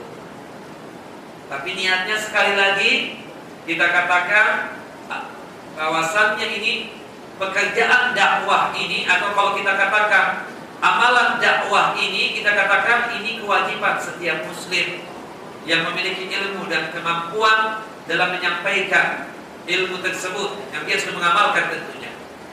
Nah, adapun mungkin dia dapat faedah dunia, coba ingat ya, bersihkan hati, niatkan dengan ikhlas lillahi taala dalam menyampaikan sesuatu pengajaran berkaitan dengan ayat suci Al-Quran dan Sunnah Nabi Sallallahu Alaihi Wasallam. Jangan sampai kita hitung-hitungan nanti dalam hati ini. Ini bicara hati. Nah, mau lagi di situ deh, ampaunya sedikit misalnya. Nah, ini bahaya. Nah, biasanya itu maaf ya, kadang sebagian orang itu yang menggunakan manajemen tuh. Oh, nanti yang ustadznya datang itu nanti si ini dia bawa asisten sekian, dia bawa anak bini, tolong tiket disediakan ini nah ini ini oh udah sudah komersil ini komersil seperti ini. Iya kan? Sudah komersil. Uh, mas ini ya berhubung dia dari ini. Nanti kita nih ini ini ini antum sediain ini ya. Kita gak mampu nih gimana? Ya kalau gak mampu kita cari mesin yang lain nih. Nah itu kan komersil sudah. Itu bahaya yang seperti itu. Itu berbahaya yang demikian. Termasuk kan ada sebagian orang itu kadang nanyain dulu nih, saya nggak bicara masalah ikhlas apa enggak, cuma nggak pantas saja ngomong seperti itu. Jamaahnya berapa sih? Masjidnya ukurannya berapa? Oh nggak cukup kalau jamaah saya sih, saya datang biasanya tiga ribu, lima ribu. Waduh sombong banget. Padahal maaf nih ya masalah keikhlasan kalau orangnya ikhlas di sisi Allah Jalla wa'ala murid satu orang Kemudian satu yang lagi mengajarkan seribu orang. Nilainya sama nggak sisi Allah Jalla wa'ala? Asal ikhlas ya? Sama, nggak ada bedanya. Nah, itu makanya hati-hati betul masalah hati ini. Nah bukan berarti kalau misalnya nih, oh si ustadznya maunya ke sana saja. Mungkin ada kesenangan hati yang membuat dia tersebut berkaitan dengan masalah itu. Yang tujuannya mungkin akhirat. Jangan seuzon dulu. Gak mungkin dia dekat di sana, kenapa? Karena lebih duluan masjid yang di sana yang mengenal dia, bukan tidak mau ke sini. Sama sekali tidak seperti itu. Saya hakul yakin, saya husnudon dengan para ustaz-ustaz kita tersebut, ya kan seperti itu. Husnudon kita, ya. Jangan menganggap di antara kita ini, oh ustaz itu, ya, matre, Nah jangan berhubung itu mesinnya besar, ongkosnya besar, amplopnya besar, makanya datangnya ke sana saja, gak mau datang ke sini. Belum tentu. Nah itu kalau kita katakan ustadz yang abal-abal, memang begitu. Kalau ustadz yang ahlu sunnah wal jamaah, insya Allah saya tidak peduli Allah Jalla wa'ala, ini masalah hati. Saya nggak yakin ada ustadz-ustadz yang mengatakan Pak Arko, saya mau datang ke rumah antum, asal antum kasih saya 10 juta plus dengan ini, ini, ini, ini. Saya nggak yakin. Nggak ada ustadz kita yang mengatakan itu. Saya nggak yakin. Ya, saya nggak yakin. Kalau kau ada misalnya salah ustadz. Salah. Ya, tidak boleh pakai tarif. Apa bedanya dengan artis? Kita bukan artis. Kalau artis iya, jemputnya pakai apa misalnya Mercedes Benz atau mungkin pakai apa lagi berkaitan dengan uh, apa nanti jemputnya jangan pakai mobil kijang ya pakai mobil Avanza saya nggak mau Mercy yang terbaru jemput saya atau pakai mobil apa lagi ya ini sudah artis begini ini eh mas saya nggak mau tinggal di masjid saya di hotel bintang berlima ya tolong Oh, komersil banget nih Ustaz. Jangan panggil. Kalau yang begitu-begitu kan. Jangan. Bukan berarti gak dihargai. Seenaknya saja kadang penitia. Ya Allah sudah kamar mandinya bau. La ilaha illallah. Gak dihargai sama sekali. Air putih gak ada. Makan-makan sendiri. Kebangetan. Orang cuma jualannya yang penting kan ikhlas, ikhlas subhanallah. Kalau kita bilang kok begini banget ya? Oh berarti Ustaz ikhlas. Ya Allah, pasti senjatanya begitu. Nah untuk kita menjadi. Nah ini bahaya. Kadang orang itu mudah sekali. Yang jelas yang tidak boleh itu pasang lahir pak. Orang sudah paham bapak insya Allah eh, cukupnya sekian deh 5 juta sebulan buat bapak. Kan seperti itu. Orang tahu bisa menilai keperluan antum tinggal di sini ini ini ini ini sekian supaya antum itu fokus dengan kewajiban antum seperti itu mengambilnya halal tidak ada masalah tapi ingat bukan itu tujuan mungkin suatu saat nanti antum mengajar nggak dikasih apa-apa di kampung-kampung itu kadang nggak dapat apa-apa pak cuma terima kasih kadang cuma dikasih pisang atau apa buah-buahan deh itu yang kita rasakan. Tidak apa-apa, cuma perjuangan harus dijalankan seperti itu. Cuma ini bukan pekerjaan dakwah, bukan pekerjaan sekali lagi, bukan pekerjaan. Kalau nanti mungkin sudah masya Allah tuh Ustaz, rumahnya lima, mobilnya sepuluh, apartemen ada, kemudian gedung ada, dia tidak bakalan ambil dari antum. Saya yakin.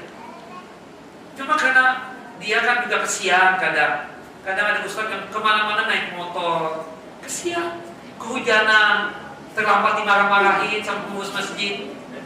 Lambat lah, ini si ustaz ganti aja. Kan begitu kadang. Padahal ya Allah, dia tak tahu kondisi dia. Seperti itu. Ustaz juga apa? Manusia. Ustaz juga manusia, bukan nabi nih ya. Seperti itu. Waduh, panjang banget nih. Ustaz saya kerja di Chinese Restaurant restoran Cina. Ah, kelas. Oh, udah ada asal satu lagi ya. Yang sekret. Selama ini saya selalu buka hijab saat saya bekerja. Datang pulang kerja berhijab. Tapi setiap kali di restoran saya lepas jilbab. Gimana nih? Begini ya Bu. Tolong kalau seandainya kita dalam satu pekerjaan, suatu pekerjaan tidak bisa menjalankan kewajiban kita, kita tinggalkan pekerjaan kita. Ini kan Indonesia, ya bebas dong. Kita katakan di sini hak asasi kan dijalankan katanya. Kita bilang sama Menteri Tenaga Kerja misalnya, kita kerja sebagai wanita muslimah kok nggak boleh pakai jilbab nih di restoran. Saya tutup tuh restoran. Kita laporkan. Kita dilarang. Diberhentikan tidak apa-apa, tapi kita laporkan nih restoran tidak menjalankan hak asasinya manusia. Makanya kan kadang ada sebagian orang itu malas-malas mengaji kenapa? Karena khawatir kewajiban akan ada.